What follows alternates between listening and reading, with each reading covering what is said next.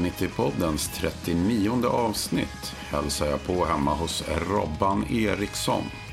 Mats Robert Eriksson föddes 1972 och är trummis i KSM 3, Strindbergs och The Helicopters.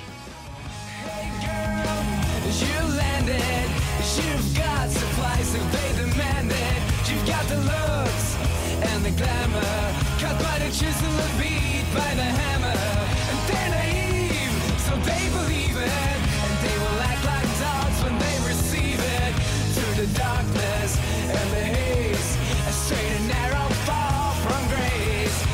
They need, they yearn, they lost with cheeks unturned, handshake and hands for none, get by by the grace of God.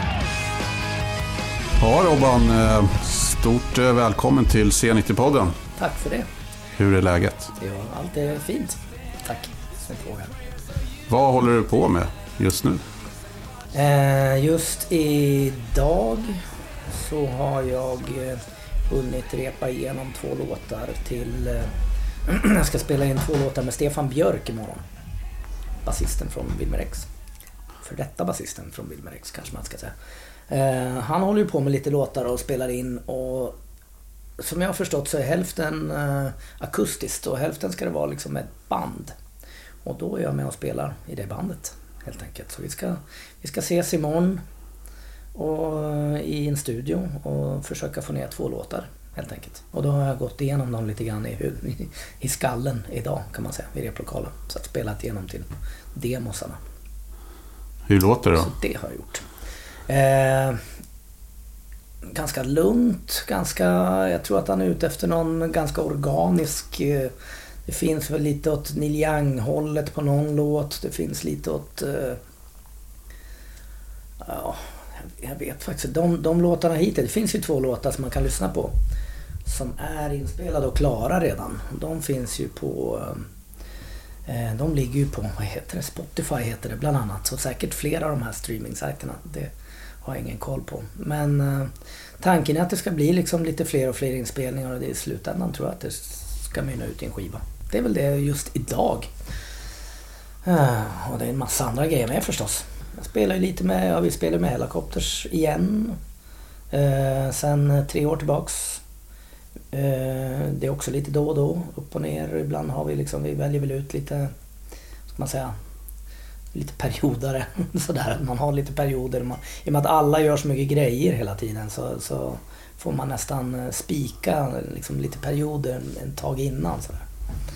Eh, Men är, är, det- är det så det går till? Att ni har liksom som att den här perioderna måste vi ha lite Ja, rena? det, det, det krockar ju ändå i någon, någon, i någon slutända. Men, men planeringen ligger ju ganska långt före. Liksom, det gör det. Så att jag börjar ju liksom nu, idag är det början, nu ska vi se vad det är för datum. Det är i början på december och jag vet ju nu börjar det liksom eh, ta lite form på vad som händer i maj och juni. Ja, till sommaren. Och så det är ju ett halvår dit. Det känns ju som värsta operaupplägget. Mm, Att man ja. vet så långt innan. Men det är ju så mer och mer faktiskt. Ja. Så var det ju. Alltså så var det även när man... Eh, jag spelade med Lasse Winnerbäck ett antal år. Eh, det var samma upp... Det var liksom... Själva sommarturnén, om det var en sommarturné, den planerades ju liksom... ja, Jag vet inte, de började säkert långt innan man kom på tal själv. Men eh, alla vi som spelade fick ju liksom frågan någonstans i november, december. Mm. Det var liksom ett, minst ett halvår innan. Mm. Och det, ja.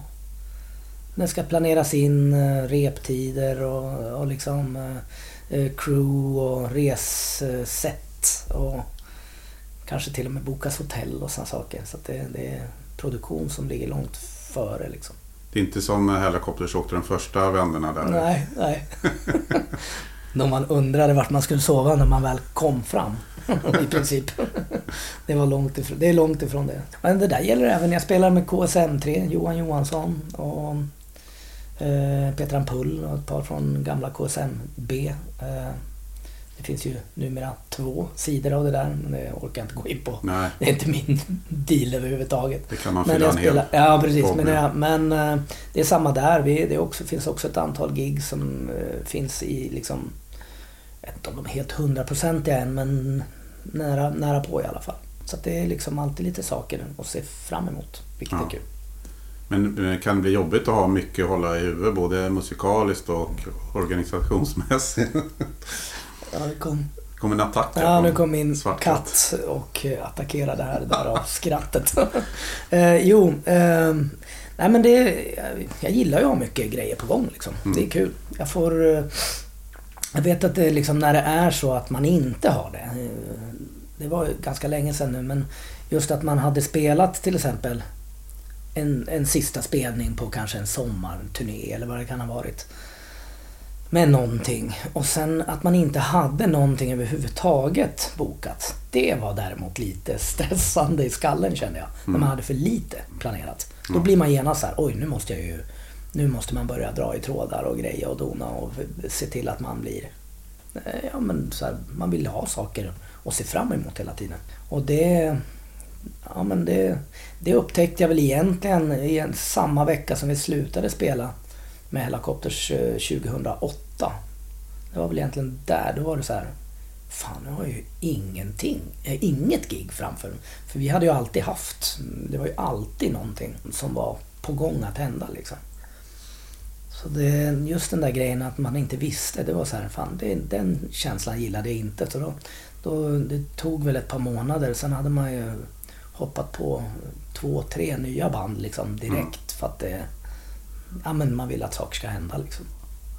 Och sen är det väl också att när saker händer så får det andra saker att hända. Ja men det är ju så lite grann. Och det är liksom, det är mycket roligt, det har man ju upptäckt, det är mycket roligare att tacka ja till saker än att säga nej egentligen. Sen har man ju såklart ett liv med familj och fru och två barn och, och en katt som biter sladd på sladdar just nu. Men ja, det, det är... mm, Så att man kan ju, nu är det ju liksom... Om jag tackar nej till saker då är det ju för att det, då har jag liksom ja, det, måste, det finns någon liten sån här gräns på hur mycket man liksom pallar med total, i, i det totala liksom hundraprocentiga, vad ska man kalla det för? Ja, livet kallas det väl. Men det måste väl stämma också Ja, känslomässigt och vad man ska göra. Och... jo men är det liksom för mycket? Ja. Jo men precis. Det, det måste ju vara, ja det är klart det måste ju stämma allting egentligen. Det, men saker och ting som har med spelande att göra. eh, Det, tyck, det utgår jag nästan alltid från att det kommer bli. Det, det här kommer bli kul liksom. Annars så skulle jag... Det, nej men det, det får man liksom... Det, det får man se till. Det, men det får man se till att göra. Ja men vad fan det är ju liksom det jag alltid har velat göra. Så att, Mm. Och börja liksom hitta eller leta efter de negativa grejerna där. Då är man lite på hal is. Det är liksom...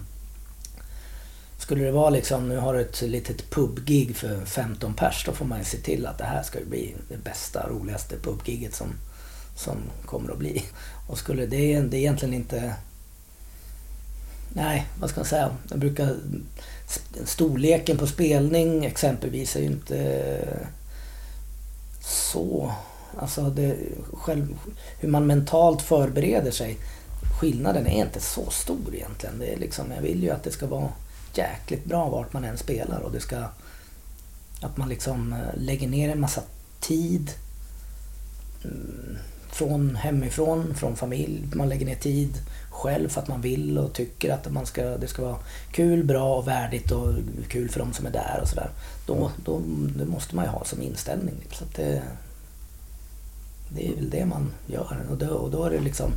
Och då, om man tänker så, då är det ju liksom, då är det ju egentligen inte så stort hopp från Big Ben till Globen liksom.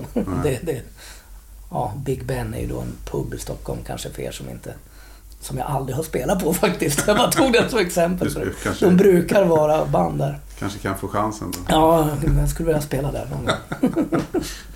Jag, jag såg ju dig också ganska nyligen med Strindbergs. Ja, På Nalen där. det För, var nog ganska precis ett år sedan faktiskt. Ja. Det var, ja, det var exakt, för det var någon som delade det där på, på Nu kommer våran buskatt här igen. Ja. Eh, jo, det var eh, någon som delade det där, eh, lite foton därifrån. Typ förra veckan eller någonting såg jag det på, på sociala medier. Och det var, så det var precis ett år sedan. Och det vill man göra igen såklart. Vi har nog eh, inte spelat, vi har inte spelat klart, det har vi inte.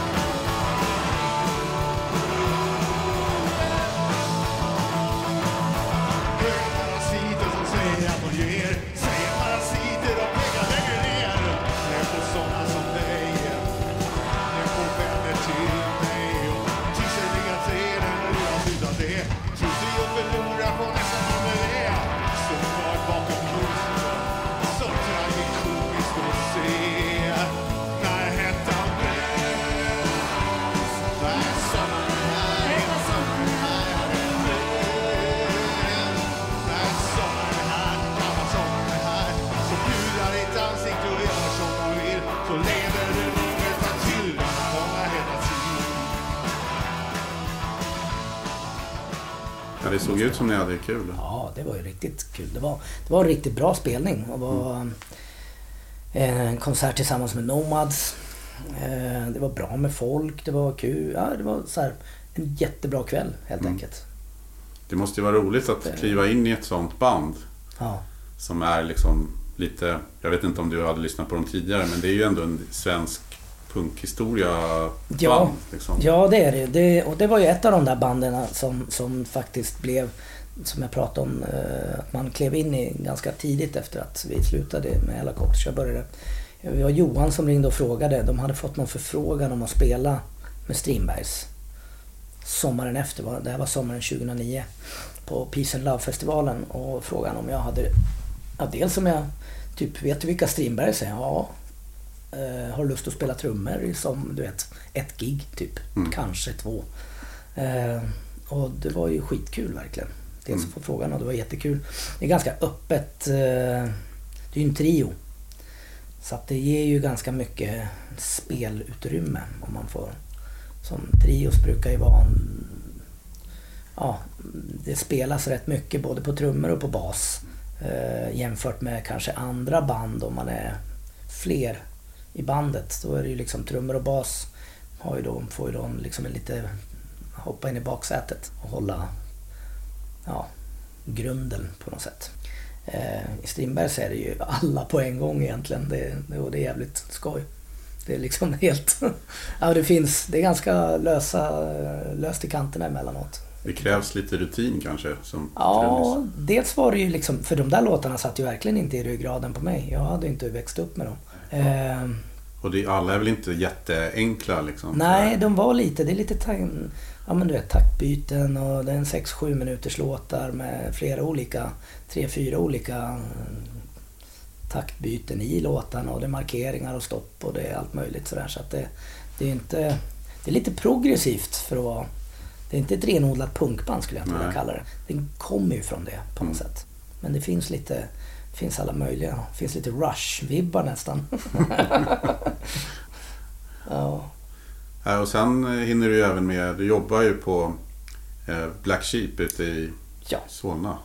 Där jobbar jag 60% tre dagar i veckan. Eh, Jag har, eh, ja det passar ju helt eh, perfekt in också. Det är ju liksom ett bra, eh, bra och trevligt jobb. Jag, jag jobbar med, ja, det är bra arbetskollegor, det är bra liksom, det är ett ungdomshus. Det har väl liksom gått från att vara en ungdomsgård. Nu vet jag inte om jag skulle vilja kalla det riktigt för ungdomsgård längre. Det är lite äldre ungdomar i så fall. De är ja, vuxna en del, Mm. yngre vuxna. Eh, det är replokaler, eh, musikstudios, det är film och foto och konst och dans. Så det är många kultur... Det är ett kulturnischat eh, ungdomshus kan man säga. Och allt är ju det är kommunalt så det är ju gratis för alla att vara där. Liksom, ja, replokalerna kostar ju, men de kostar ju typ nästan ingenting att repa där. Så det är ju välbesökt. Bra känsla och vibb. Så det, det Mm. känns ju bra liksom. Och det går att synka med. I och med att ganska många där spelar och, eller håller på med konst och så, så är det ju... Ja, vi liksom varvar ibland eh, att folk är lite lediga för att pyssla med just det, man, det andra man gör också då. då. Så det funkar ju faktiskt jättebra. Ja, jag var ju där för ett tag sedan och spelade in på med Josef Toll som är då kollega till dig där på, Ja. på Black Sheep. Och bland annat sångare och, i Void. Och, eh, Ja. ja, det verkar ju helt eh, fantastiskt bra Ja. ställe. Alltså om man är, Ja. vill spela ett band och Det är många som eh, säger, många i ens egna ålder eller liksom så här, de säger ju nästan alltid oj tänk om det här hade funnits när jag var Mm. 16-17 år gammal. mm, Jag vet inte vad, nu man, jag vet inte om man glömmer bort vad som fanns själv eller om det var, eller om, för, men det här sticker ju ut, det gör det ju. Mm. Det fanns ju definitivt inte något sånt här där jag bodde.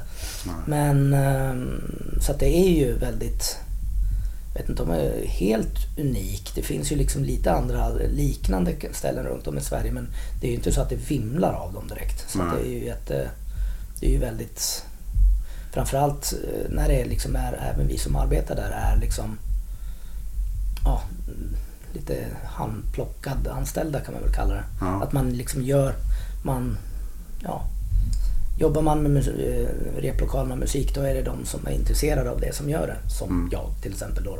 Och Josef och Persson nej, för den delen. Robert Persson jobbar också där. Från Hambacker. Så att det är ju... Nej men det är bra på alla sätt liksom.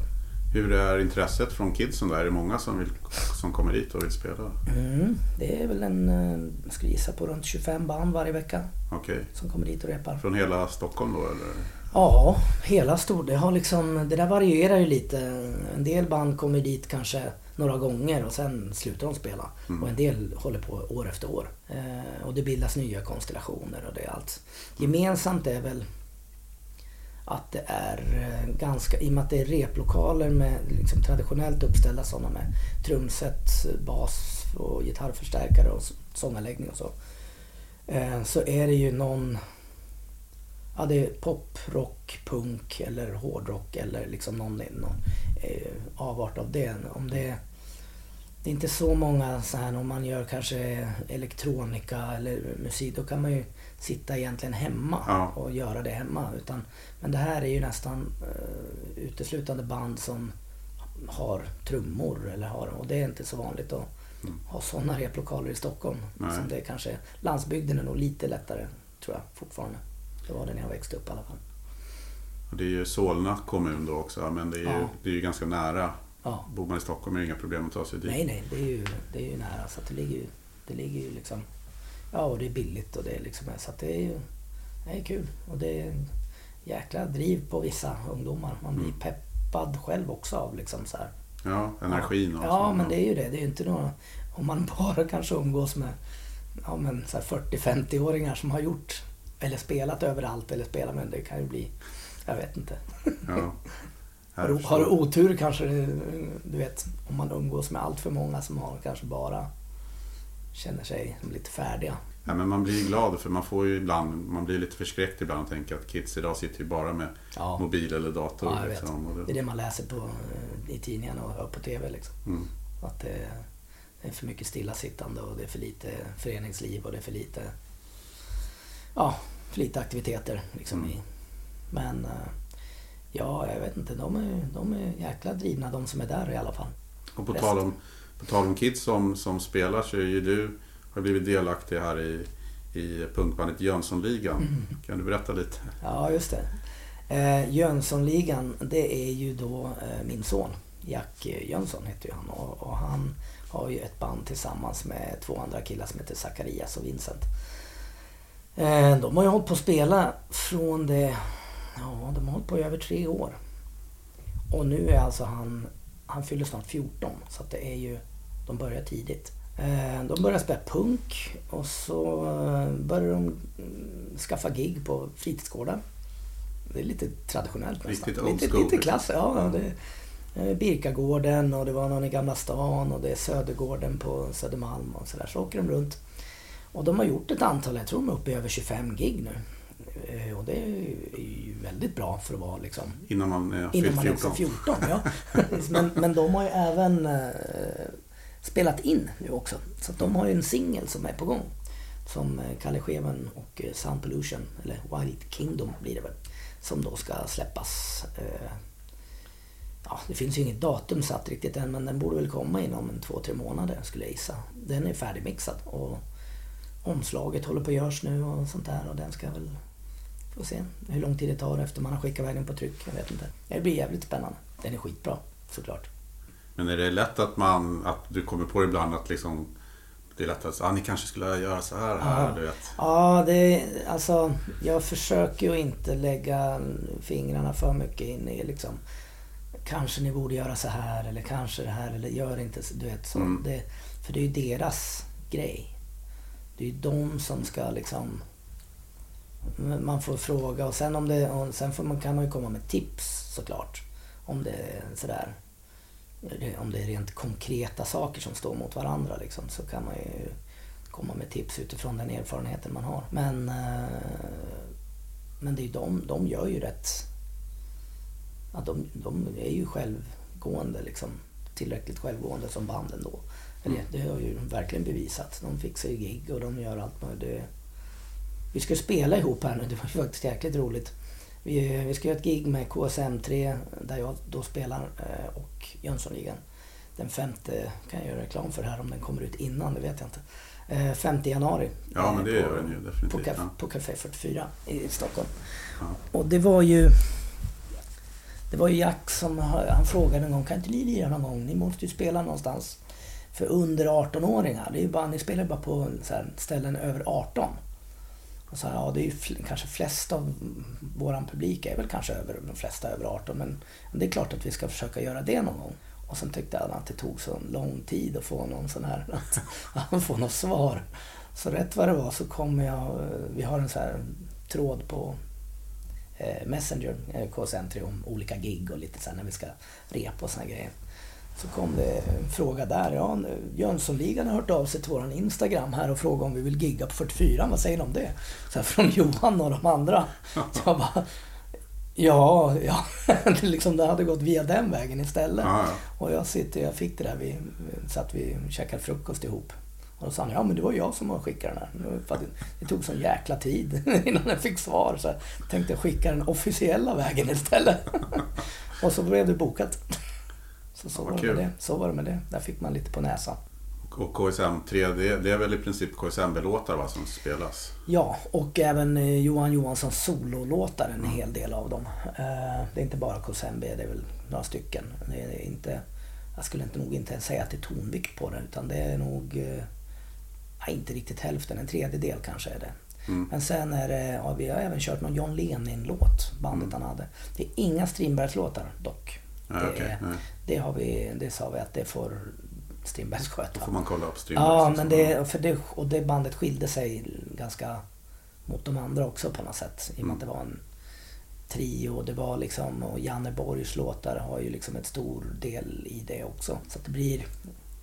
Ja, nej, det, de, de, i de är den, det- Strindbergs är den grejen. Men så att med KSM3 kör vi, har vi aldrig gjort det. Mm. Och det tror jag inte vi gör heller. Jag får dela upp det. Det kan ju vara rätt bra att ha ett så ungt förband. Liksom. Då måste Ja. man ju Då måste man verkligen... tagga till. Ja, ja, ja verkligen. Nej, det blir skitbra. Så mm, kom dit.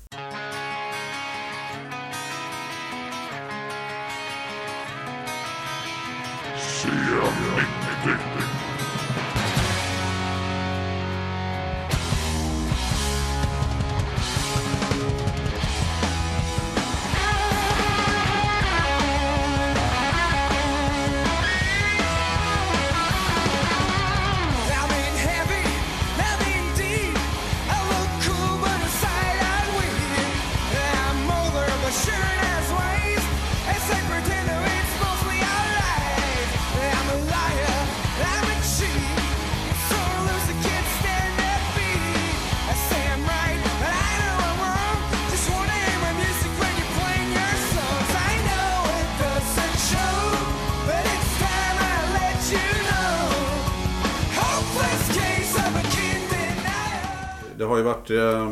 rätt mycket helikopters eh, under sommaren här och fram till. Hur, hur tycker du att det har funkat? Det funkar jättebra ska jag säga.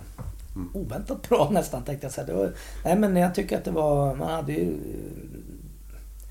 varit ifrån, hur många år var det? Sju, åtta, åtta år typ. Ja. Och det hände ju en del på åtta år. Mm. Samtidigt hände det typ ingenting. Man, I vissa, så här, när man började repa igen då var det liksom som... Ja...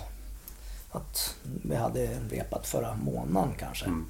Att det var, det var inte så, det, det kändes, det var inte så att det är främmande utan det mesta satt ju där liksom. Ja. det fanns ju någon, ja, det, det är lite fascinerande. Det är ungefär som man läser i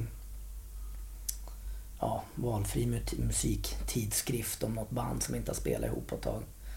Och så brukar de alltid säga, ja men vi har ju en speciell kemi och vi har ju, vi har ju en speciell känsla och vi har ju det här och, och det satt direkt när vi sågs i replokalen igen.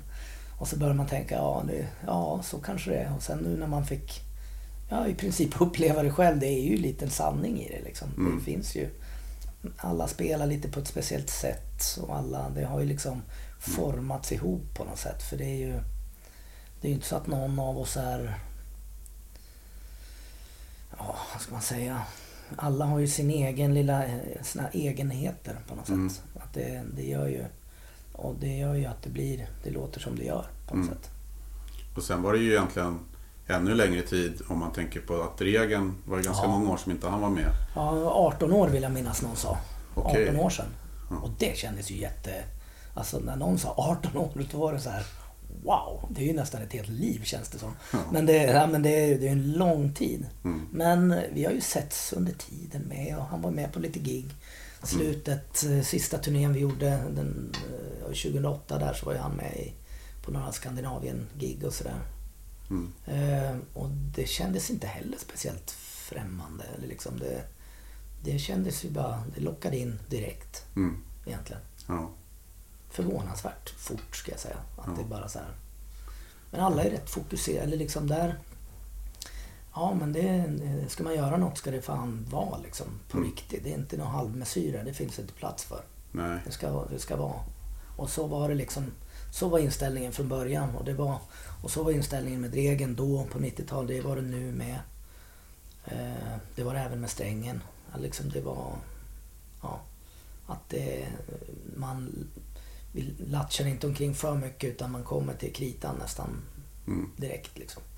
Men officiellt var det ju sagt i samband med återföreningen att det egentligen bara skulle vara ett gig. Ja. Som sen blev två då. Ja, det blev två sista, alltså dagen innan. Ja, det var en ren slump egentligen. För det var ju bara tänkt att vara ett gig. Mm. Det skulle bara vara Sweden Rock. Eh, och det var ju anledningen. Att det var 20 år sedan före var någon som sa Mm. Universal ville släppa den igen. Och vi började leka med tanken. ja. Vi började leka med tanken. Super Shitty to the Max. Just det, första skivan. Och, och sen började vi leka med tanken och tänkte, åh herregud, ska vi greja de där låtarna nu? Ja, det kanske vi gör. Och så gjorde man, och så gav vi oss fan på att göra det liksom. Eh, Men Och, var det ja. för er också eh, vi, Ni hade ingen annan tanke att det skulle bli mer? nej, inte där och då var det ju så här. Då var det väl mest så här. Vad kan det bli av det här? Mm. Eller liksom. Och då, men, men utifrån mig själv så vet jag ju, då tänkte man ju bara så här. Nu ska man ju se till att det här gigget, det ska bli så bra det bara kan bli. För man vet ju själv hur liksom, folk brukar kunna ställa sig, och jag själv med för den delen, kunna ställa sig till återföreningar. Mm. Det brukar kunna vara så här. Ja, i större delen av fallen så funkar det ju inte liksom. Nej. Eh, tyvärr. Och ibland så gör det det. Eh, och eh, jag tycker vi funkade bra. Och det var, sen är det ju såklart, sen har ju säkert en del som kanske inte tycker det. Men eh, jag tycker det funkar jättebra. Och det var, och det var jag tror det var dagen, var det dagen innan. Vi höll på att plocka ner eh, grejerna efter sista repet. Vi skulle åka till ehm, Sweden Rock till, till Blekinge. Så fick vi ett eh, telefonsamtal där från, från våran manager som frågade om eh, vi ville spela på Askena-festivalen i Spanien helgen efter. Och då sa vi, är det någon, ja vi hade ju liksom ingenting annat planerat. Man har ju bara tänkt ungefär fram till avslaget på, på konserten på Sweden Rock. Så längre än så hade man inte planerat någonting. Och det var ju även tänkt att vi liksom, ja det är väl bara det liksom. Eh, men då var det Primal Scream som hade ställt in hela den sommaren. Eh, och de hade en headline. De skulle spela headline på den festivalen där nere i Spanien. Så hade vi fått deras eh, plats helt enkelt. Eller blev erbjudna deras plats. Och då var det så här, fan det är bara en vecka senare. Och då sa vi ja, helt enkelt. Mm. Det kändes så bra där och då. Då var det så här, men, ja men då gör vi två gig då. Då blir det ett i Sverige och ett i Spanien. Mm. Ja, och så blev det. Och då hade ni ju ändå repat och... Ja, då hade det så här. Men jag kan tänka mig om det hade varit två månader längre fram i tiden. Mm. I augusti kanske. Då hade det nog kanske, jag vet inte om det hade blivit av faktiskt. Det kanske inte hade blivit för det hade varit så långt. Då hade man behövt börja repa lite igen och allt sånt där. Och då, då hade det varit svårt att svara på Mm. liksom där och då. Mm.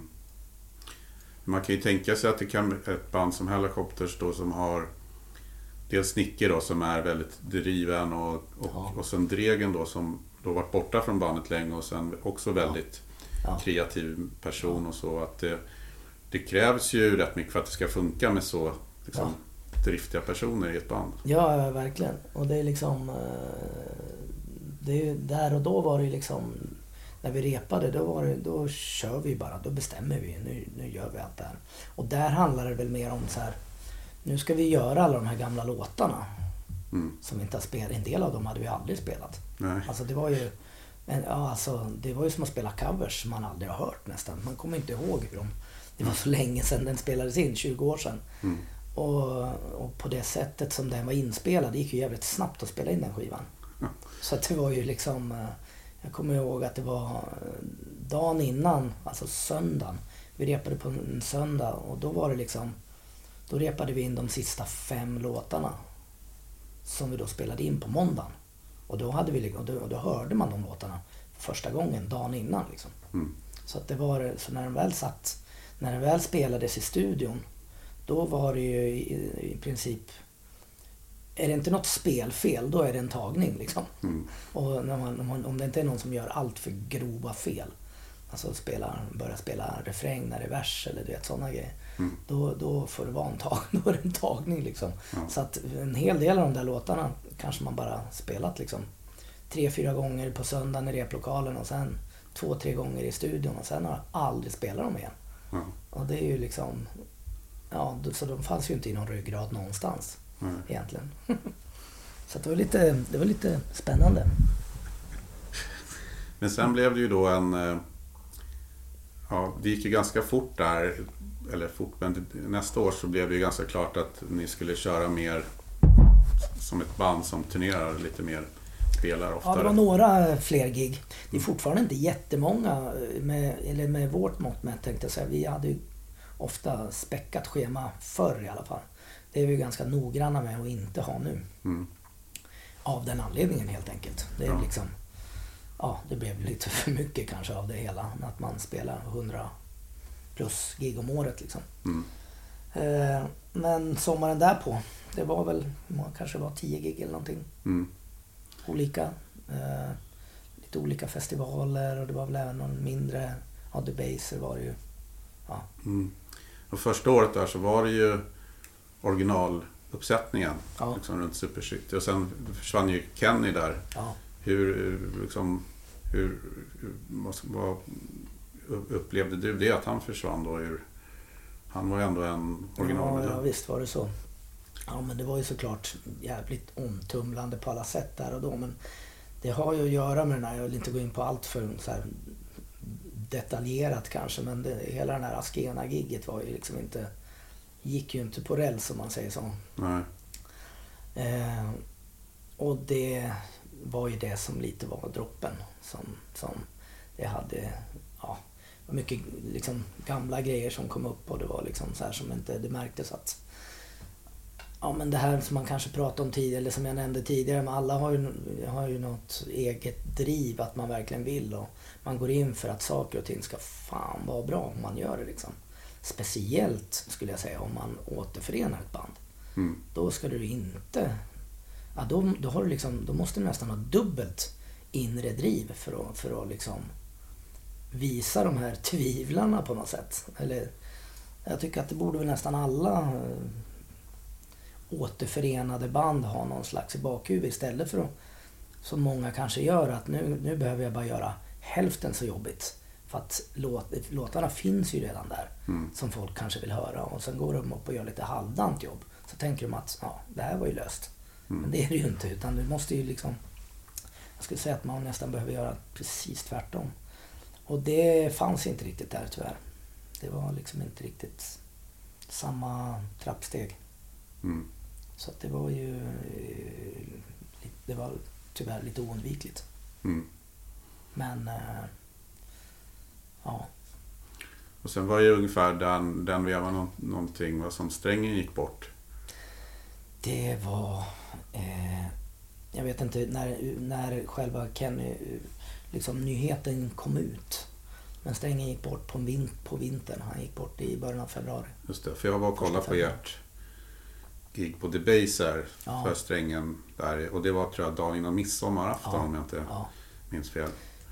Och det var ju lite kul för det var ju första gången, eller inte första gången, men Dregen körde ju många av de låtarna som han inte Ja. har spelat in. ja, de hade vi inte spelat innan. Nej, precis. Eh, nej, precis, för de är ju inte med på Super Shitty såklart. Eh, de, Och han hade ja. inte spelat Nej, By the Grace of God och sådana. nej, han hade inte spelat Toys and Flavors och de här heller. Och det var liksom de. Så det blev ju Det gick ju bra. tvärtom. Eh, Ja, alltså det blir ju det blir precis tvärtom mot när, när liksom när strängen kom med. Eller då får ju han spela de här låtarna som vi hade gjort innan. Och det är ju den naturliga vägen för många band. Eller liksom, eller, ja, när du ersätter någon annan. Då får du ju liksom lära dig låtar som redan finns. Och nu blev det liksom tillbaks ett varv till. Där liksom originalgitarristen då kommer tillbaka och får spela mittenperioden om man vill kalla det. Fan. Man, ja men det blir ju liksom lite bakvänt och det var ju lite så här, det är också spännande men samtidigt skulle jag ju säga att det, det hade ju inte funkat om vi bara skulle gå vidare och spela de två första skivorna Nej. och ignorerat resten och bara gjort, nej, det, det hade blivit, nej det är liksom för stor del av, av eh, allt vi har släppt och allt vi har gjort som, som Strängen var med på. Och det var ju, och sen har ju folk såklart tankar och tycken om att det, så har det alltid varit. Ah, de två första tycker jag är bäst. Nej, de, nej, de två sista. Eller liksom de, de andra skivorna. Eller Mm. liksom det, det är ju väldigt mycket tycke och smak och det där kan man ju liksom inte grotta ner sig för mycket i. Jag tycker ju alla är värda att spelas liksom. Ja, det är sant. Man hör ofta folk som säger att men jag gillar ju strängen-perioden Ja. mycket Ja. bättre. Och, eller Ja. vice versa. Ja. ja, men det blir ju, det, och det är ju så här. Ja, så där kommer det ju alltid vara. Det, det, och till viss mån kan man väl vara sådär själv med en del favoritband. Vad gillar du liksom? Bon Scott eller Brian Johnson eller gillar du... Mm. eller gillar du... Ja, jag vet inte. Ja, visst. Nu kommer jag inte på någon annan bara för det. Paul eh, Diana eller Bruce Dickinson. Ja, precis. Ja, inte Blaze, inte Blaze i alla fall. Där. ja. Nej, Paul, Paul tror jag kanske. Nej, jag vet inte. De är bra bägge. Ja. Nej, det, är, det är svårt faktiskt. Tycker jag. Ja, Att välja där. ja, ja, ja herregud. Det, här ska vi, det skulle kunna göra en egen podd om att prata Iron Maiden kan jag säga. Ja. Jag är ett stort Maiden-fan genom åren. Ja, jag har förstått det, att du var riktigt hardcore och var med i fanclub och sådana grejer. Ja, det var jag. Nej, vi får göra det lite senare. Ta en egen. Ja, precis. Då kan vi ta detaljerade eh, så här, skivnummers nagelbitarfrågor. Belgiska pressningar och sånt där. Ja, ja, ja, visst. Holländska pressarna var inte så där. Det var engelska man skulle ha. Men, men åter till det med, med strängen där. Hur, hur nära var ni eh, som vänner? Eh, väldigt nära. Fast eh, sista åren gled vi ju isär allihopa skulle jag vilja säga. Alltså alla. Ja, Bobba hade jag ju eh, i bandet. Hade jag ju liksom, vi spelade ihop med Winnerbäck. Så att han, var ju, han var väl kanske den jag såg träffade mest. Eh, Strängen var nog därefter tror jag. Fast han såg jag mindre och mindre av på slutet. Eh, Ja, jag vet inte. Han liksom, det kändes som att han höll sig undan liksom, på något sätt. Eller att, det var, att han kanske höll på med i andra kretsar. Eller jag vet inte. Var, jag träffade honom inte riktigt lika ofta. Jag bor ju i hans, det här är ju hans gamla lägenhet. Jaha, Jag okej. köpte, den här är hans... eh, Så här, Strängen bodde här innan. Vi köpte den av honom mitt i en turné en gång. Så att det, det gör sig påmint fortfarande tänkte jag säga. Att, eh, och vi har fortfarande kontakt med liksom Kristina och Ingrid och, och sådär. Hans ja, ex och dotter då, då. Det har vi fortfarande. Ja. Och det gör ju sig påmind. Han gör sig påmind ganska ofta genom musik då. För liksom mycket. Men även liksom Ja, det räcker ju med att man kanske... Ja, nu senast när det var en, när hans skiva kom. Den där sista som jag tyckte var jäkligt bra. Rock på svenska eller den? Ja, mm. Den. Ja, den där solo tyckte jag inte var så bra. Den eh, tyckte jag var lite jobbig att höra faktiskt. Men eh, den var så himla, ja, jag vet inte, nära på något sätt. Men rock på svenska tyckte jag om. Den var, den var, det var han. Det var liksom han på något sätt. Kändes bra. Bra, värdigt och fint. Som sammanställdes ju efter hans död av bland annat Chips. Precis. Ja.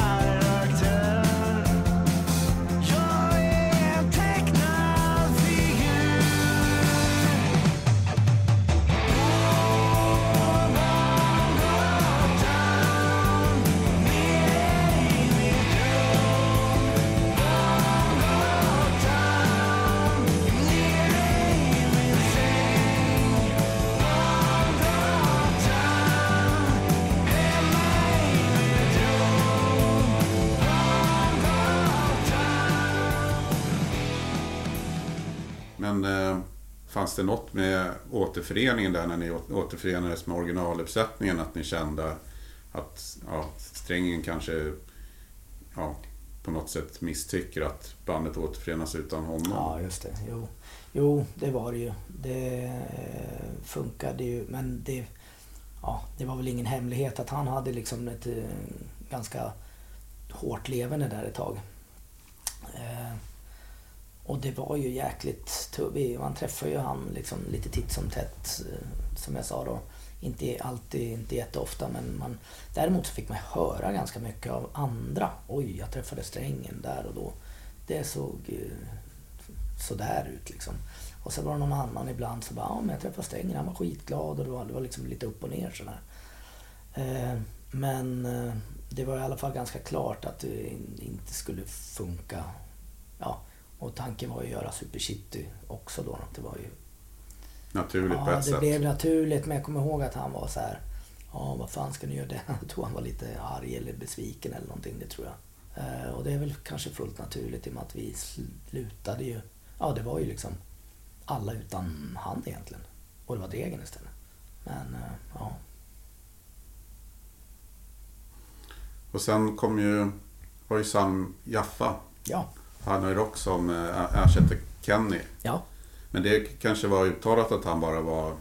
Nej, Det- faktiskt inte. Det var, det var ju... eh, när det blev när, ganska så klart att det funkar inte det här med den som jag nämnde tidigare med Kenny och allt det här. Och då, då var det så här, ja, vad fan gör vi nu då liksom?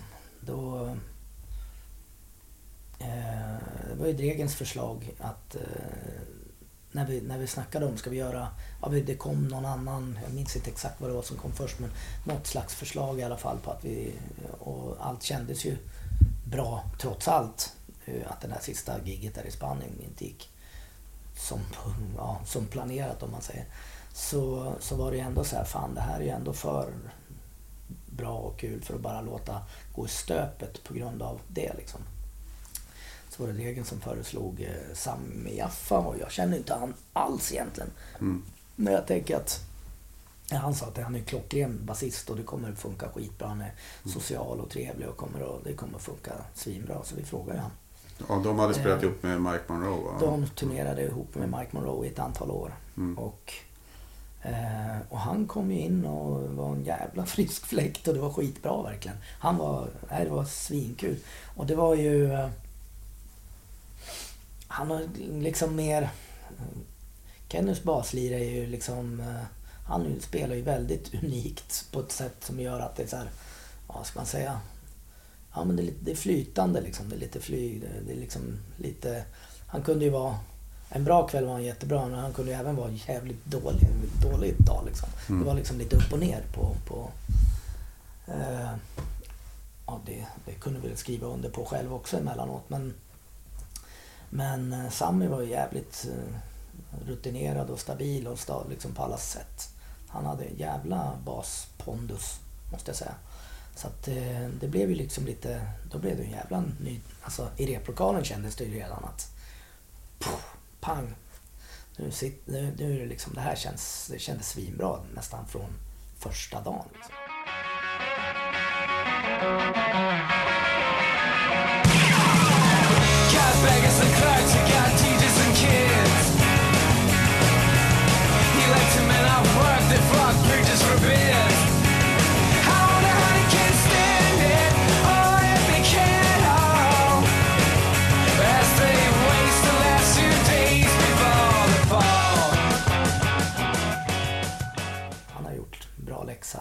Flesta låtarna. Och, ja. Så det krävdes, vi var liksom, fan jag vet inte om vi behöver repa så många gånger. Det kändes, så här, det kändes som att det satt bra liksom nästan, nästan omedelbart. Mm. Och det var ju skit, ja, det, det var en svinbra sommar. Eh, och sen kunde ju han tyvärr då inte, nu går vi ett steg till framåt, men han, eh, han har ju så jäkla mycket, han är en upptagen man liksom. Han har ju alltid från TV, jag vet inte om du har sett ett TV, om du har sett ett TV-program som heter Soundtracker som går på eh, Netflix, är det va? Tror jag. Eh, en TV-serie då han åker runt och kollar upp eh, olika länders musikhistoria kan man väl ungefär förenkla det och säga. Det var skitbra. Han spelade med Mike Monroe. Han skulle även ut med eh, Pelle Miljona i Finland, vilket är ett stort finskt gammalt punkband. Eh, Eh, jämförbara kanske med Ebba Grön, liknande, alltså Mhm. i storleksnivå, alltså platinumsäljande liksom i Finland. Ingen annan känner till dem någon annanstans. Men de säljer ut ishallar där liksom. Sjunger Eh, på finska gissar Ja, sjunger på finska. Ja, så de är ute nu. De är eh, 40-årsjubilerande. Han var ju 16 när han började spela där. Så det var, det var han och Andy McCoy. Så de är ute och spelar. Han hade ju så här sjukt mycket på agendan och det funkar ju liksom inte med våran agenda. Eller ja, det, det hade blivit en grej för mycket liksom. Så han, ja, han fick väl välja i princip och det, ja. Så så. Så därav, nu har vi Dolph. Från eh, Nickes andra band, Imperial State. Och från eh, Datsuns. Just det, en nya zeeländare va? En nya zeeländare, ja. Ja. Tar bara ut eh, icke-svenskar tänkte jag säga. En finne och en nya zeeländare. Ja. Ja. Jag har hört att han eh, vill inte bli kallad australiensare. Det tror jag inte. Det vet jag faktiskt inte. Men ja, det kan jag tänka mig. Jag att det finns någon kanske lite rivalitet mellan Australien och Nya Zeeland. Jag vet faktiskt inte. Han har ofta blivit tydligen det. Det är väl lätt hänt. Ja, det är kanske som eh, Stockholm och Göteborg. Mm. jag vet inte. Ja, kanske. Så då är det lite Imperial, ja det blir ju då halva Imperial State in Ja, i jag vet. Ja, det blev, det, blev, ja, det blev så. Men jag tycker inte att det, lå, alltså, det låter inte så. Det, jag tycker ändå jag hör en ganska stor skillnad mellan banden på något sätt. Nu kanske, ja, nu är man ju insyltad i det såklart. Men, men eh, jo, men det är det nog ändå. Kanske för ett, eh, vad ska man kalla det, icke eh, vältränat öra. Mm. Så kanske de tycker att det låter, men det är väl för att Nicke sjunger och han har gjort låtar och det, ja. Men han känns väl också, jag, menar, jag uppfattar det som att han är ganska drivande i Datsuns eller Ja, han är driven. Det är liksom alla, jag skulle säga att alla är mycket Ja. mer drivna nu också i bandet Mm. än, än tidigare liksom. Än tidigare år. mm, Så att nu är det liksom, eh, det känns alltid som att det är något, ja men man är, i och med att alla har Ja, alltså om det bara hade varit ett band man spelade i då hade, ju, då hade vi ju säkerligen haft massor med grejer bokade men Men eh, nu har ju alla alla en massa grejer och då, är det ju, då behöver ju alla ha liksom lite huvudet på skaft på något sätt för att kunna synka och planera och vad det nu... Ja men liksom... Ja, man är liksom, det känns som man är lite alltid på jour på något sätt. Det är alltid någonting som, som är på gång och det är ju jäkligt skoj. Jag trivs med det i alla fall. Och hur, hur funkar det egentligen? Får ni mycket förfrågningar eller? Ja, det får vi. vi. Jag skulle nog säga att vi tackar nej till säkert 9 av 10. Mm. Alltså, nu sa jag tidigare att det är tråkigt att tacka nej till saker men i det här fallet så skiljer jag nog lite på det. Nej men det, det här hade inte funkat. Då, då hade vi liksom knatat in, då hade vi knallat in i väggen igen kanske. Det hade blivit för mycket. Att det är nog ganska... Eh, Ja men... Boka på för mycket nu tror jag är- Nej det, det skulle inte vara... Det skulle nog inte göra bandet bra tror jag. Jag tror Nej. att det är bättre man gör de här punktinsatserna. Nej, men man, gör, man, man planerar vissa grejer och då blir varje gig så jäkla ja, men fokuserat på något sätt. Det blir... När man gör för mycket av en sak, ja, då blir det lite den här var, när vardagen börjar komma in liksom.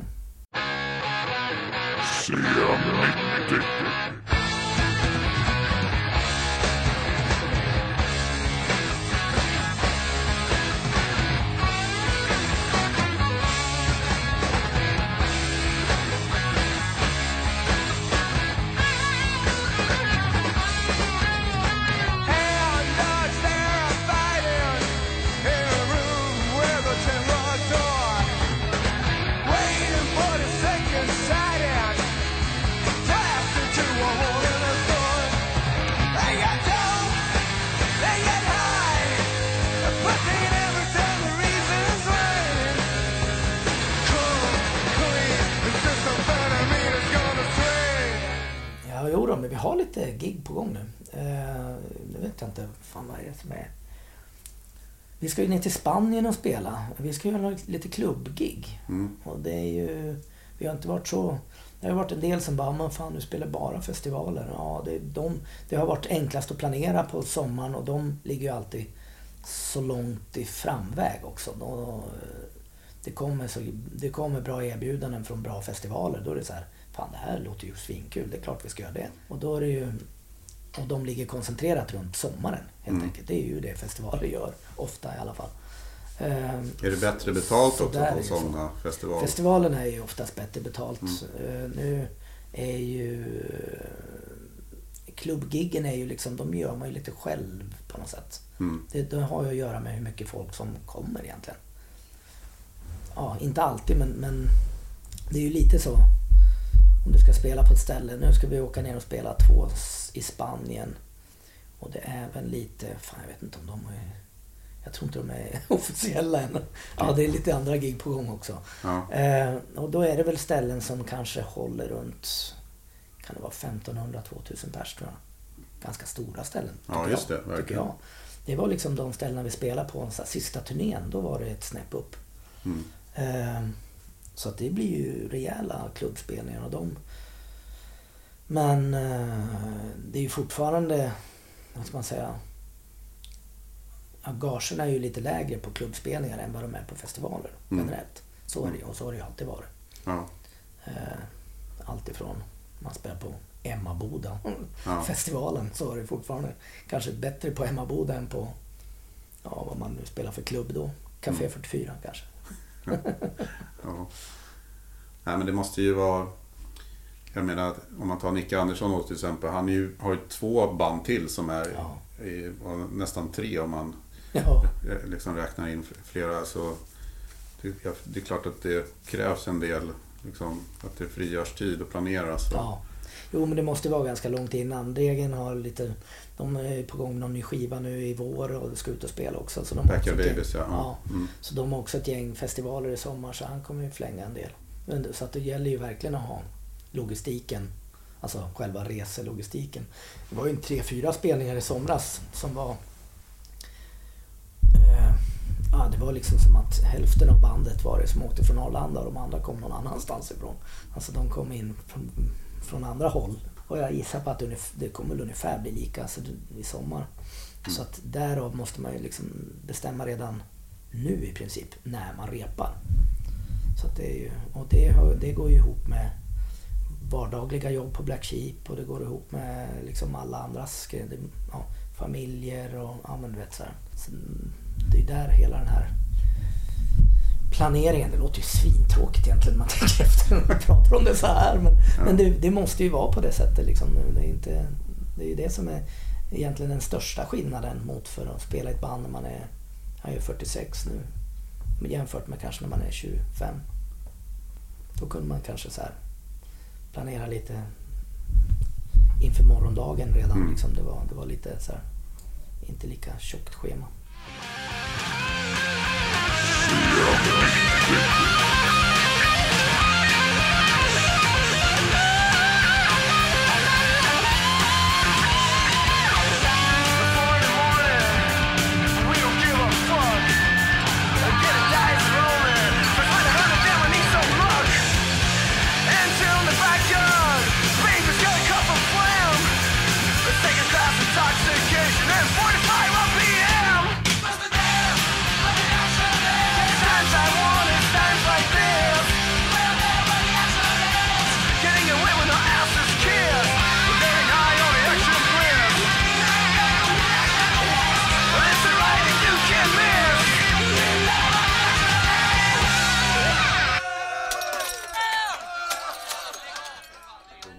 Så behövde man kanske bara bry sig om sig själv också. Det var inte så jävla Exakt. noga om man inte... Nej, och det är så här om någon var en timme sen kanske inte var hela vägen. Nu är det så här, är någon en timme sen, ja man kanske bara har tre timmar. För sen måste någon iväg. Då är det, då är det så här, fan då försvinner ju tre, eller liksom det. Så att det blir ju lite mer eh, strukturerat. Rep och, och liksom alla sådana här planeringsmässigt. Men eh, med det sagt så är det ju när det väl är liksom, när det är avklarat, det är ju den ja, tråkiga biten. Sen när man väl är på väg, då är det ju, då är det ju som det alltid har varit på turné. Eller liksom, då är det ju jäkligt... Ja, det, det är bra stämning och det är kul liksom. Finns det några planer? Det är förmodligen svårt att svara på. Men har ni några planer på att spela in nytt material i Helicopters? Ja, kan jag säga. Ja. Det har vi. Vi har faktiskt redan tjuvstartat lite. ja. Fick du reda på det också? Roligt att höra. det- Jag vet inte om det... Ja, men lite halvt har det väl varit. Det var någon bild på Facebook som florerade här förra. Som eh, en del var lite så här, vadå, är det på gång? Något nytt? Så. Mm. Men eh, ja, kanske inte ska säga så mycket mer för jag vet inte riktigt vad som är. Men det, men eh, det, finns, lite, det finns lite planer på att göra grejer. Det gör, eller vi har. Och vi har tjuvstartat. så mycket kan jag säga. Men jag vet inte vad det är. Det, vi, kör väl i vanlig ordning liksom. Vi bokar på grejer och får se vad det blir av det. Känner, Blir det inte bra så blir det inte bra. Men, men det måste bli bra, tänkte jag säga. Det, det är liksom, där kommer väl arbetsmoralen in på något sätt. Det ska fan bli... Ja. Är det inte, eh, eh, är det inte bra nog så vill man ju inte släppa det liksom. Men det är klart det måste bli bra. Jag kan tänka mig att det inte är helt lätt med tanke på att det ändå gått så pass många år Ja. sen ni släppte någonting som var helt nytt. Och, och många i bandet liksom spelar andras, andra ja. saker som låter lite annorlunda. Men det är ju dessutom en ny konstellation skulle man kunna kalla det nu när Degen är tillbaks igen då. då. Mm. Och Dolph. Och så har vi en historia med eh, med liksom andra medlem och andra, man har gjort en massa skivor däremellan. Och, ja. Mm. Så att eh, vi får se. Helt enkelt. Kan hålla bollen lite i luften. Men känner du att du är, nu är ni ju, vad ska man säga, det är ju fyra som driver bandet mer än vad det kanske var i Mm. början. För det var ju ändå Nicke som startade upp bandet. Ja, det var det. Känner du att du är mer liksom, Ja, definitivt. Det gör jag. Eh, Men jag är ju ganska... eh, Jag är ju lagd åt ett ganska praktiskt håll också. Att jag gillar eller så här, att hålla många bollar i luften eller trådar och, eller vad man nu vill. Så att det kommer ju ganska naturligt att eh, tänka några steg i förväg. Liksom. Här, som, eh, som, som, och i och med att det är en hel del såna här så är grejer som rör ja, bandet. Det kommer, det är väl mejlande dagligen skulle jag säga. Kring någonting. Vad det nu kan vara liksom. Så, så, så eh, skulle jag säga att alla är väl alla är rätt på det där liksom. Skicka fram och tillbaka och man är väldigt inblandad i mycket. Det är, inte så här, det är verkligen inte att... Nej, jag vet inte om det var det förut heller i och för sig men... Det var ju alltid ett veto genom Nicke, det var det ju. Eh, I och med att det var, om det kanske var, om vi kan ta, om man ska spela en cover till exempel, då är det så här, om den här skulle passa bra att sjunga och sådär. Visst att alla kunde komma med förslag. Men det skulle ju, eh, om det inte kanske passade och någon och verkligen säga fan den här vet fan om jag får till liksom sådär. För han hade ju liksom arrangemanget i skallen ofta på något sätt. Mm. Och där är ju hans låtskrivar, vad ska man säga, hjärnan. Mm. Eh, Så så är det ju.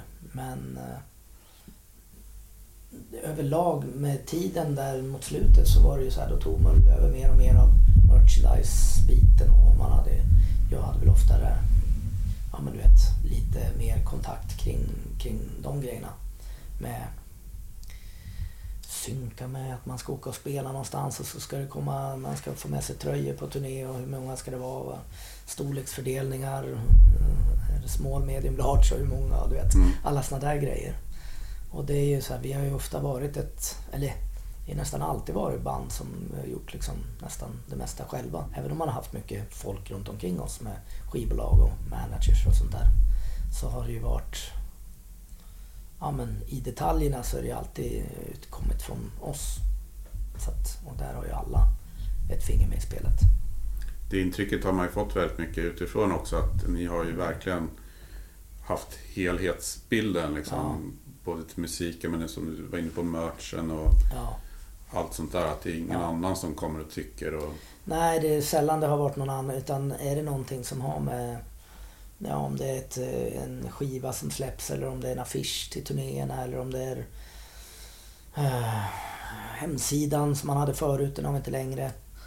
Men eh, liksom hur allting ser ut och hur det viss, eh, ja, vad ska man säga, allting som kretsar kring det liksom. Tröj, ja, hur tröjorna ser ut och vad det är för någonting så är det ju alltid vi som har liksom det är ju inte att det är någon annan som har designat någonting och nu trycker vi upp ett gäng tröjor och så får man se dem när de är gjorda liksom. Det skulle Mm. aldrig funka. ja, de blev inte så bra alltid- men nu måste vi sälja dem. Liksom. Ja men det har alltid varit liksom, nej men en del får man känslan av att det är så ibland.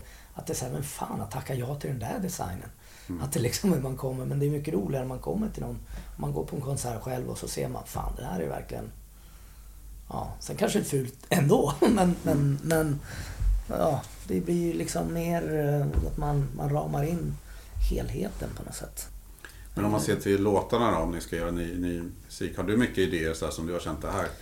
Det här kommer funka för Hellacopters och så. Nej, det kan jag tyvärr inte säga. Jag har aldrig varit eh, låtskrivare. Ty jag kan ju bara spela trummor. Jag kan ju inte spela något annat och det blir lite svårt. Mm. Alltså, jag kan nynna på grejer skallen. Men jag har liksom inte...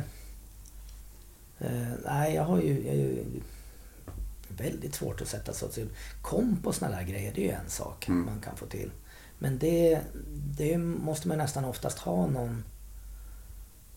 Om, någon... om du skulle spela ett riff eller någon slags melodi eller någonting sådär. Och om, man, om du ber att jag ska sätta mig ner och försöka komma på, då kan jag säkert komma på bara så att testa en tre, fyra olika grejer Mm. På en gång. Och så får man ju se, kanske inte någon funkar eller kanske alla funkar eller sådär.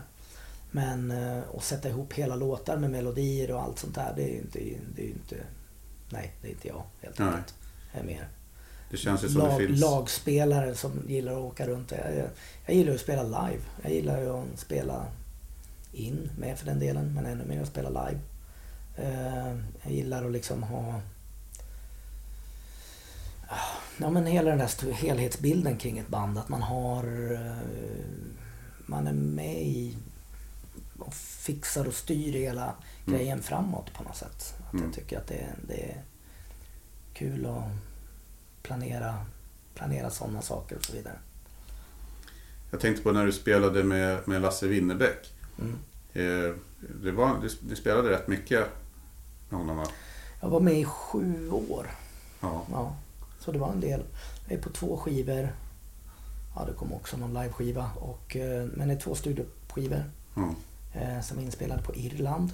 Jäkligt häftigt eh, ställe, måste jag säga. Jäkligt bra, bra studio och kul inspelning. Inspelningar. Och sen var det väl ett antal turnéer. Hur många vet jag inte riktigt. Men det var ju ja, under sju år. Det var ett par, ett par om året kanske. Det var också så här ganska lång, du vet, man fram, framförhållning och hela den här. Och det var stora, stor produktion. Det var nog det största, liksom. Själva turnéerna i sig var ju bland det största jag har spelat på. Men hur kändes det att vara liksom, för då blir man ju trots allt en kompmusiker. Ja, ja, jag vet. Och många vet inte ens om vad Nej. man heter liksom. Nej. Och sådär. Eh, Det blir ju lite skillnad från att då ha Ja. varit en karaktär i ett band. Så. Jo, jag vet. Men jag har, jag vet, jag har liksom alltid det där med i skallen på något sätt. Att man vill ha en liten... Och Lasse var ju väldigt tillåtande på sådana grejer. Han var ju väldigt... Eh, eh, Jag minns att han sa någon gång att när vi började spela, då var det ganska många som var nya. Det var, det var nästan ett helt nytt eh, band förutom Jerker på bas. Att det liksom är alla ni som eh, är här är ju liksom jag har ju typ valt er för att ni spelar som ni gör. Så spela som ni gör. Mm. Känner att man liksom... Han var väldigt eh, mån om att försöka få låtarna att inte vara upprepande. Lite så här Dylan-tänk skulle man väl kunna kalla det. Att det, han har ju någon eh, historia av att göra om sina låtar ganska mycket från turné till turné. Och ändra på strukturen och lite sådär. Eh, det är väl lite samma med Lasse. Eller, det är inte alla låtar som det passar kanske. En del faller ju in i någon slags ungefär kanske likadant som den är på en skiva ändå. Eller på en inspelning. Medan en del kunde ju göras om ganska mycket.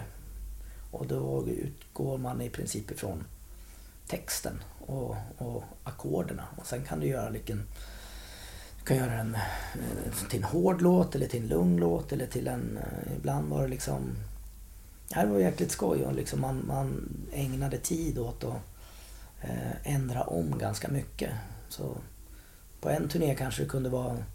Då var det inte trummor alls på en låt. Det kanske bara var eh, piano och sång. Och nästa turné då var det fullt band på den sången och lite ganska hård version. Och det, liksom, det, var, det gjorde att man jag var lite på tårna.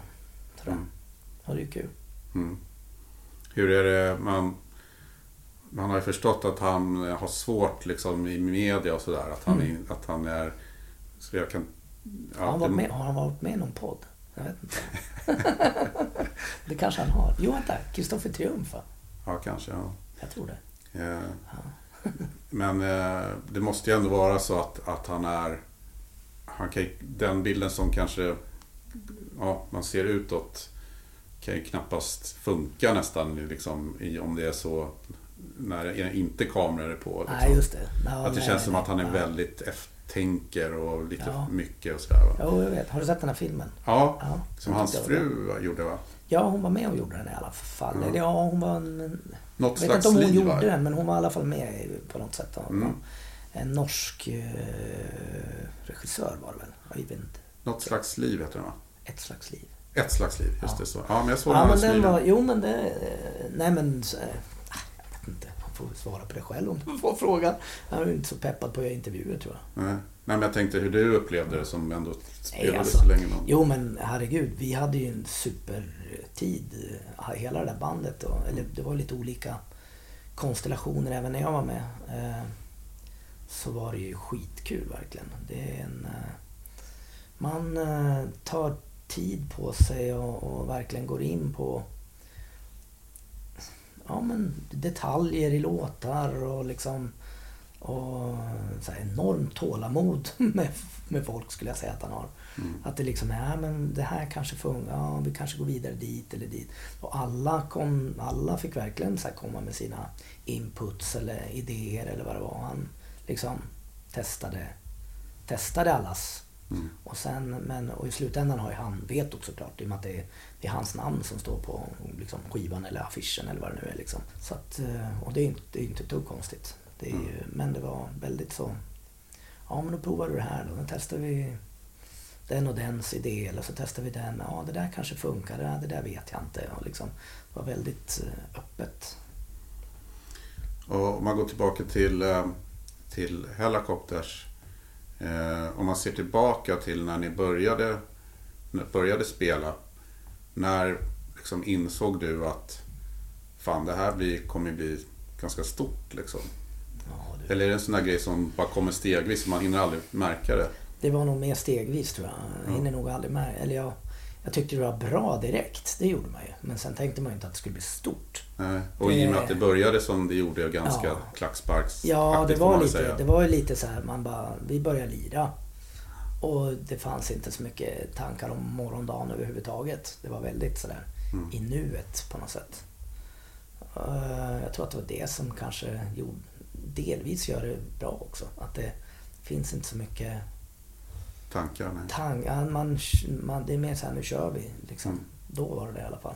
Det här vill vi göra liksom. Ja, och det var...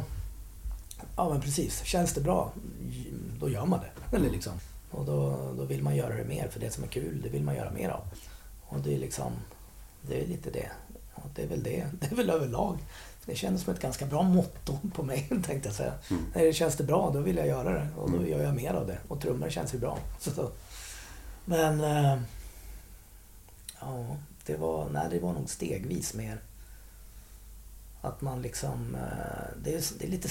Alltså, samtidigt är det liksom... Jag vet att det stod ibland i tidningarna att det är så här, nu har Hellacopters breakat i USA eller du vet någon sån här grej. Så bara... Ja, fan, vi kanske var där och spelade. Då var man ganska så här realistisk och tänka, vadå breakat? Vi har lirat på en klubb för 400 pers kanske, 500. Ja, det var, och det var ju bra liksom. Men breakat, är inte det något annat? Liksom, det känns ju så här. Fan, Van Halen på en stadium i Kalifornien, det känns som att breakat liksom. Mm. Men, men inte... Alltså det, var, det, man hade, det blev lite så här skevt ibland när man läste, men samtidigt var det ju... Så åkte man ju runt och spelade musik och gjorde skivor och, och gick runt på det liksom. Man kunde betala sin hyra och man kunde... Ja. Man, man gjorde inget annat och det, det i sig är ju någon slags... Eh, ja, det har man ju alltid haft som någon slags dröm i bakhuvudet. Mm. Att kunna livnära sig på. Man behöver inte nödvändigtvis bli rik på kuppen men det... Men att kunna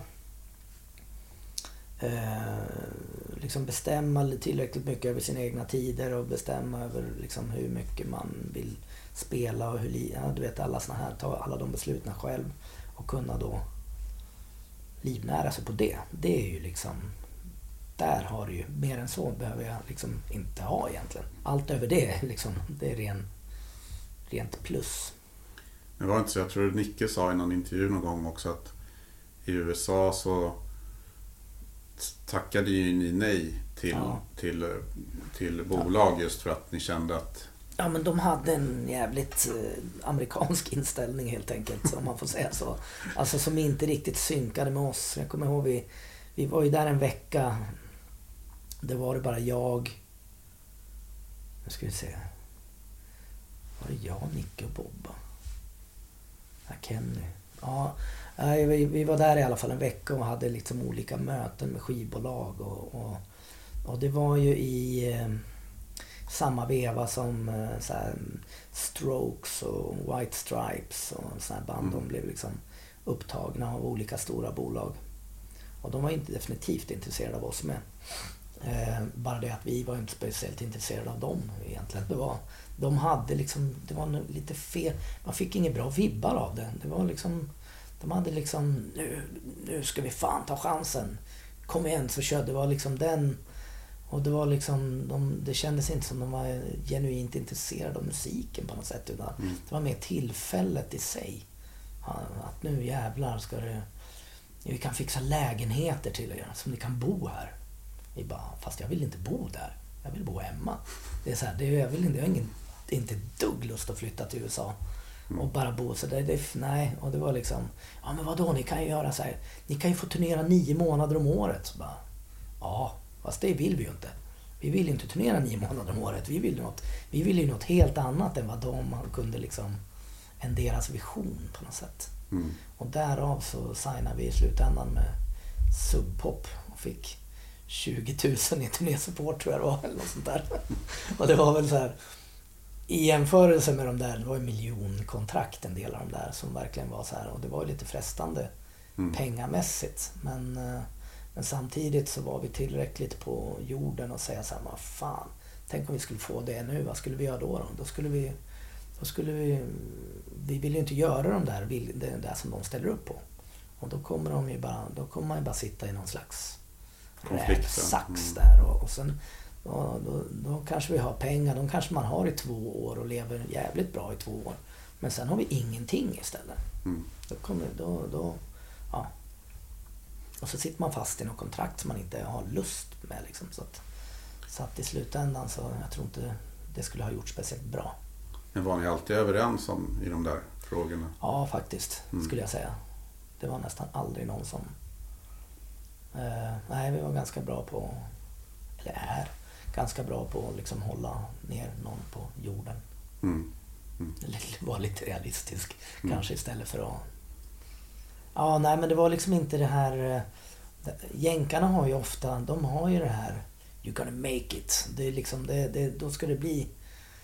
eh, Det är ju det är en helt annan syn på så här stardom eller liksom stjärn, eh, stora där än vad det är. Och i Sverige så har man ju liksom... Ja, det, det ser helt annorlunda ut på något sätt. Mm. Och liksom inte ha, och den, den, den där, de, de tar för givet att alla skulle vara så här råpeppade på att gå på flashiga galakvällar och, och liksom göra såna här, få låtar i videos på TV och göra TV-shower och göra massor med den typen av promotion medan det var ju så här ett, nästan ett nödvändigt ont ofta i våran så här Fan, ja, spela playback, det, det går ju inte, det kan vi inte göra. Eller liksom, tänk, alla sådana grejer. Ska vi spela live i TV, det är en sak. Det kan vi göra, men playback känns jävligt lökigt. Det, jag tror vi gjorde det en eller två gånger kanske, men det, var, det kändes inte något vidare. Så att det, var, det var liksom en helt annan syn på... på eh, man vill ju att det ska vara... En, ja, kunde lätt bli... Eller själv skulle man ju kunna... Om det skulle kunna bli världens största band. Det hade varit en sak, men om, om det är på ens egna premisser på något sätt. Men det är ju liksom... Den musikbranschen är uppbyggd på ett annat sätt där. Det blir lite... Ja. Och då passar det helt enkelt... Eh, vad ska man kalla det för? Ja, subpop-folket. Och de där, det är ju liksom en underground-tänk. Liksom. Och där, ja, där passade vi mycket bättre. Sen var vi på Universal i Sverige. Men där kände vi folk som var exakt som vi Mm. var. Eller liksom som man, så vi jobbade med liksom eh, folk som, som, även om man låg på ett stort bolag, så var det, man jobbade precis som att eh, vi hade gjort en vinylsingel i 200x. Liksom, att man, vi gör det på samma, bara det att den har större kanaler att komma ut. Och det var ju tacksamt. Ja, det är ju inget negativt med Nej, det. Liksom, nej det var ju man- jättebra. Så det var ju liksom... eh, eh, ja men så att vad det stod för label på skivan, det var egentligen... Eh, våra skivor hade låtit exakt likadant ändå på något sätt. Jag tänker på det, här, om man tittar ute i, i eh, Sverige och även andra länder så har ju Hellacopters väldigt gott renommé. Alltså, Mm. Och även Kids som är verkligen så här... Det finns en ny liten... Ja det gör ju faktiskt det. Det, Ja, det var lite spännande, det var lite kul att se. ja, Det hade man, det hade man ju Så- absolut inte tagit för givet. Nej. Man spelar så här Gröna Lund i somras och... och ja, det är 20-åringar liksom. Som, Ja, men det är inte bara folk i ens egna ålder. Som det mycket väl hade kunnat varit. Liksom. Ja, det var lite skoj. Kan, kan du förstå det eller är det svårt när man själv är i, inne i det? Att, liksom, kan du förstå varför ni har så gott anseende eller vad man ska säga? Ja, det... Förstå. Ja, jo, men det är väl ett tecken på att man kanske har gjort något rätt. Att det liksom, det kanske är någonting med alla de här små...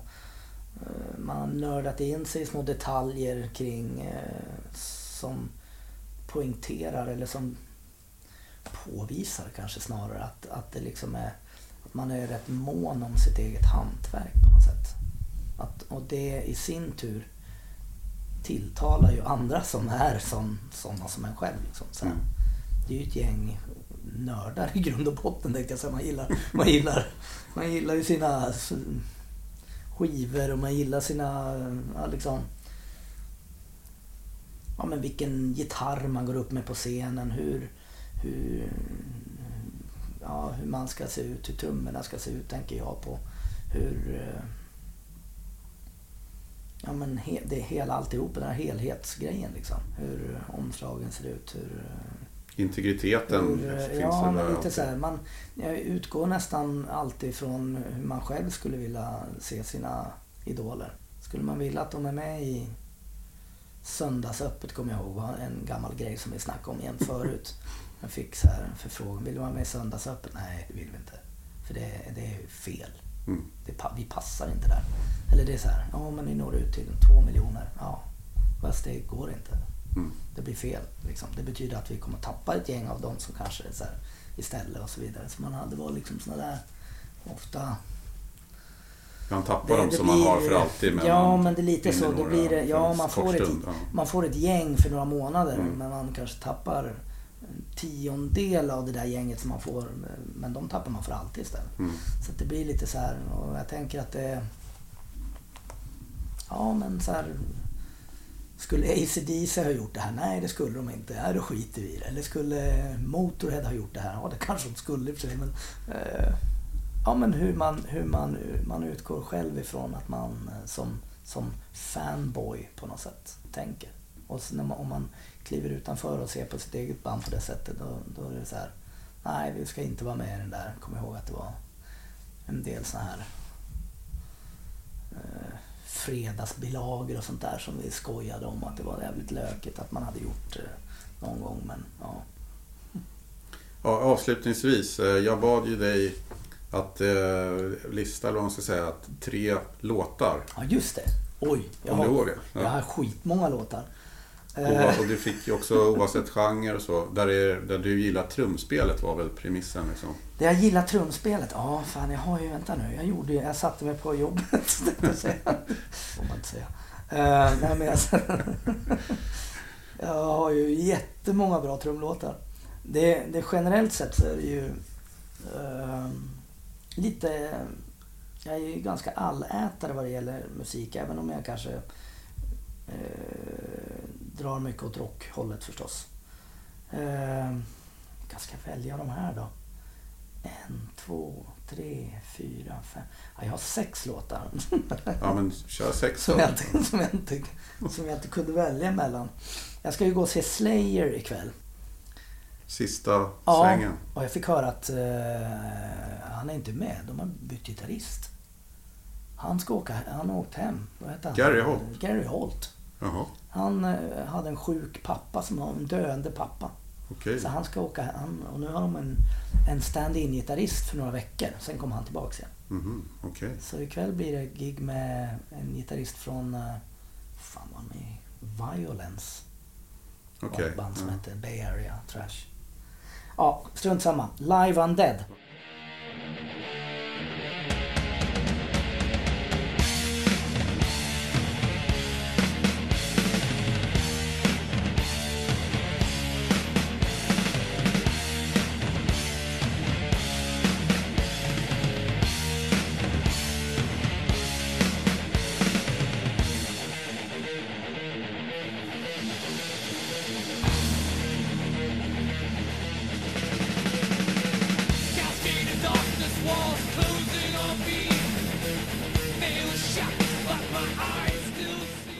Live Undead med, med Slayer är ju, eh, jag skulle nästan vilja säga att det är eh, Dave Lombardo i sitt esse. Alltså där, där, pikar han nog. Många tycker att Rain in Blood är så här piken, men jag skulle nog fan hävda att South of Heaven är piken alltså. Eh, den är ju fruktansvärt bra, trash metal skiva. Och eh, Live Undead innehåller ju jäkligt mycket roliga olika delar i låten. Trumspelet är otroligt innovativt och kul att lyssna på. Och det är... Eh, han är lite som eh, hårdrockens Keith Moon. För han är så här harva på. Alltså det är inte... Han bara, det, det känns okontrollerat. Och det gillar jag. När det är okontrollerade trummor. När det, det, det, det, det låter som att det är på gränsen till vad man klarar av. Då är det, då är det bra. Men det är inte hans eh, styrka också att han, samtidigt som han har det här svajiga så har han kunnandet som är väldigt högt upp på något sätt. Så han kombinerar Ja, det sen där. spelar med låten och det gillar jag också ofta. Att man spelar med, istället för att bara hålla ett komp. Mm. eh, det, alltså ACDC såklart, det finns ju sjukt många undantag. Men om jag ska tänka hur, man tänk, hur jag utgår själv ifrån när man spelar trummor så vill jag ju spela i låten. Alltså jag tycker om att spela. Man kan följa en textrad och man kan följa en, det behöver inte vara samma kväll efter kväll. Det får gärna skilja lite och försöka göra lite olika från kväll till kväll. Och I vissa låtar i alla fall. En del, det där är ju lite olika beroende på låt såklart men eh, där är i alla fall han i sitt esse skulle jag säga. Han eh, är Live Undead med Slayer. Ja, vad ska vi ta med? Vi tar, det är högt och lågt här. Vi har en... Eh, eh, Det är svårt att komma undan Zeppelin förstås. Eh, John Bonham tycker ju många är eh, den absoluta... Han är ju en av de största trummisarna för väldigt många. Eh, Och så även för mig. Eh, Det finns skitmånga Zeppelin-låtar.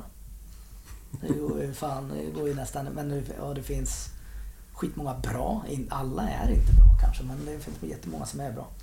De Eh, senare skivorna var inte jag, så jag tycker de är ganska jobbiga. Så. Alltså, från Presence och framåt? Ja. ja. Men jag har inte gett dem kanske tillräckligt många chanser. Jag vet inte. Nej, de är lite... De har jag lyssnat på lite färre gånger också faktiskt. Mm.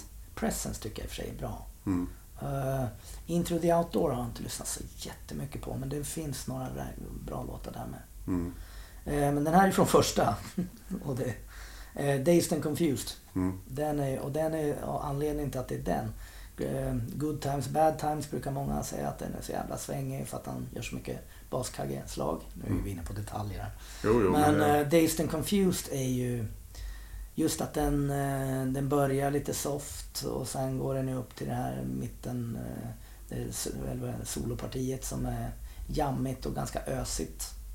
Det känns väldigt som att de har ett live-arrangemang fast de bara spelar in det i studio liksom och det är väl så tror jag. Och sen kommer det där fantastiska rull... Det där rullfillet eller vad det är, triolfillet som är så jävla snyggt.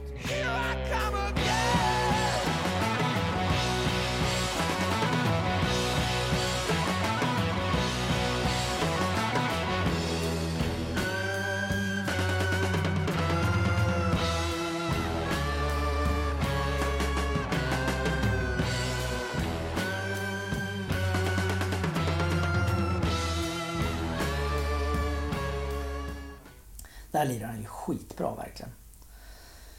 Eh, ja, vad ska vi ta tredje låten? Jag har en låt med The Meters. Sissy Strutt. Det är ju en sån där avig, eh, svängig eh, New Orleans-låt. Eh, Väldigt svängigt. Man, det är liksom i princip omöjligt att sitta still. Och den låter också väldigt, det låter löst i kanterna men det går liksom inte att spela som han gör. Jag vet inte riktigt, jag vet inte riktigt hur han gör.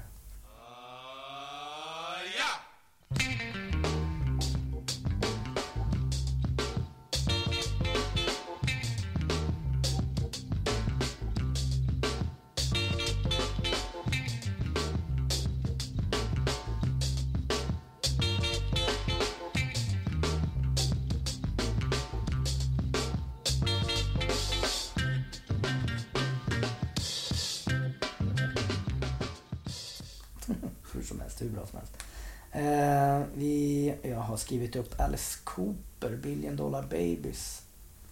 Det är för att det är sån signaturtrummor i den. Det är sån, det är sån stor del. Det är en sån här låt som alla spelar lufttrummor till när den kommer. Eller ja, man borde i alla fall göra det. den är så jävla... Ja men det är, det är en bra låt till att börja med och den är... Eh, trummorna har en stor del i hur låten är liksom.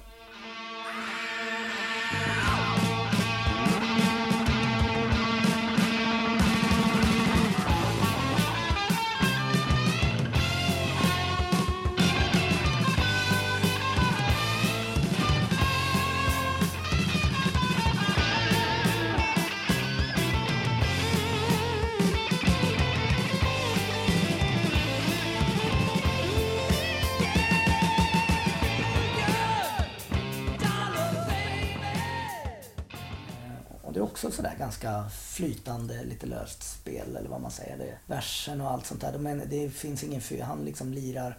Jag kan tänka mig, finns det tio tagningar på den, vilket det säkert gör, så låter de rätt olika de där tio tagningarna. Och sånt är lite kul. Eh, sen har jag en Clash-låt faktiskt. Mest för att jag vill ha in, eller mest. Jag tänkte det är ju kul att ha in en, någon slags punkband i det här och jag gillar ju punktrummor. Eh, och det spelar ingen roll om det är Paul Cook eller om det är sådär men jag tror nog att eh, Topper Headon är ju en favorit i, i trummis för han var så jäkla svängig. Eh, gjorde mycket roliga hi-hat, eh, lyft och lira och mycket. Och han... Eh, Det var Och mycket de- det som lyfte Clash också, ja, var inte det är Från... väldigt, väldigt bra trummor på dem. Det sägs att han satte väldigt mycket i första tagningar. Jag vet inte om det är sant eller inte. men Jag har för mig att jag läst det någonstans. Det gör ju det hela ännu mer imponerande i så fall. Men eh, en låt som heter Death or Glory som är med på London Calling-skivan. Got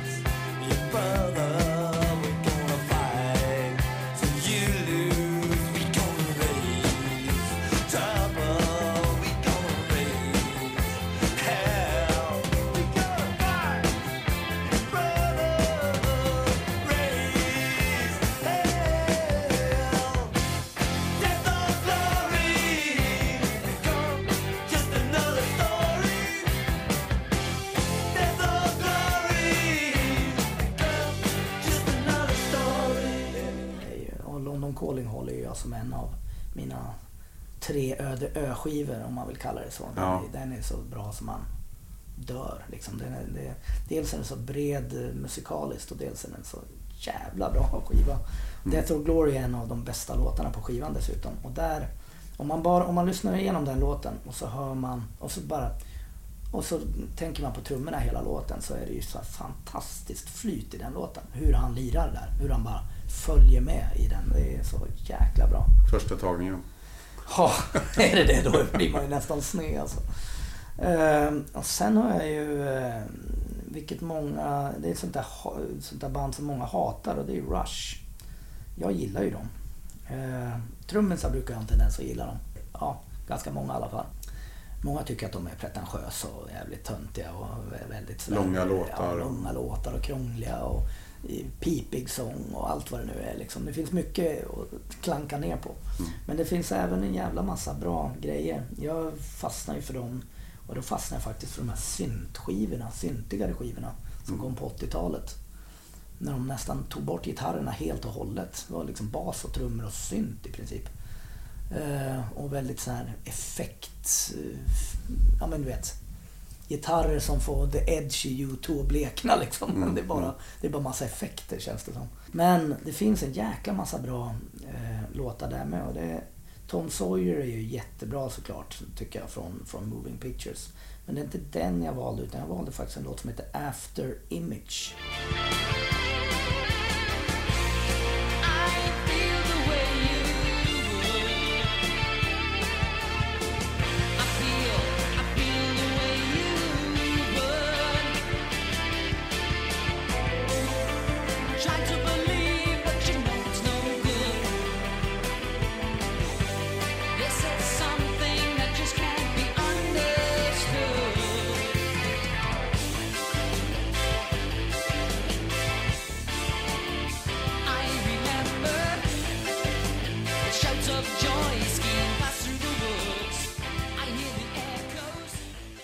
Med på en skiva som heter Grace Under Pressure.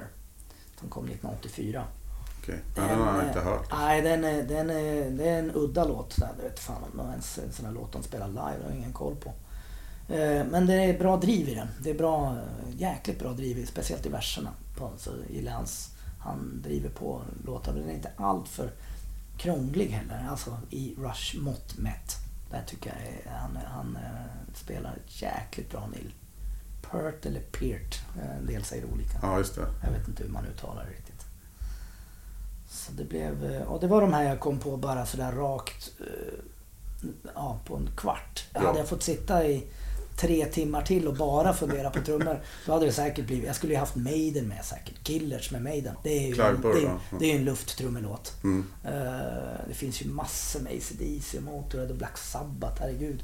Ja. Mitch Mitchell, Ickery Hendrix. Det finns ju hur många som helst att ta. Men det märks att du tycker det är kul att liksom så här, plocka ut och... Ja, ja, ja. ja, ja. Ja, jag kollar bakom det. Här sitter jag, alltså jag sitter och pysslar med det ganska ofta. Jag gör spellistor och jag gör quizar. Och det, Ja, det är ja. skitskoj. Det Jag tänker, i, jag tänker i röda trådar och sånt där.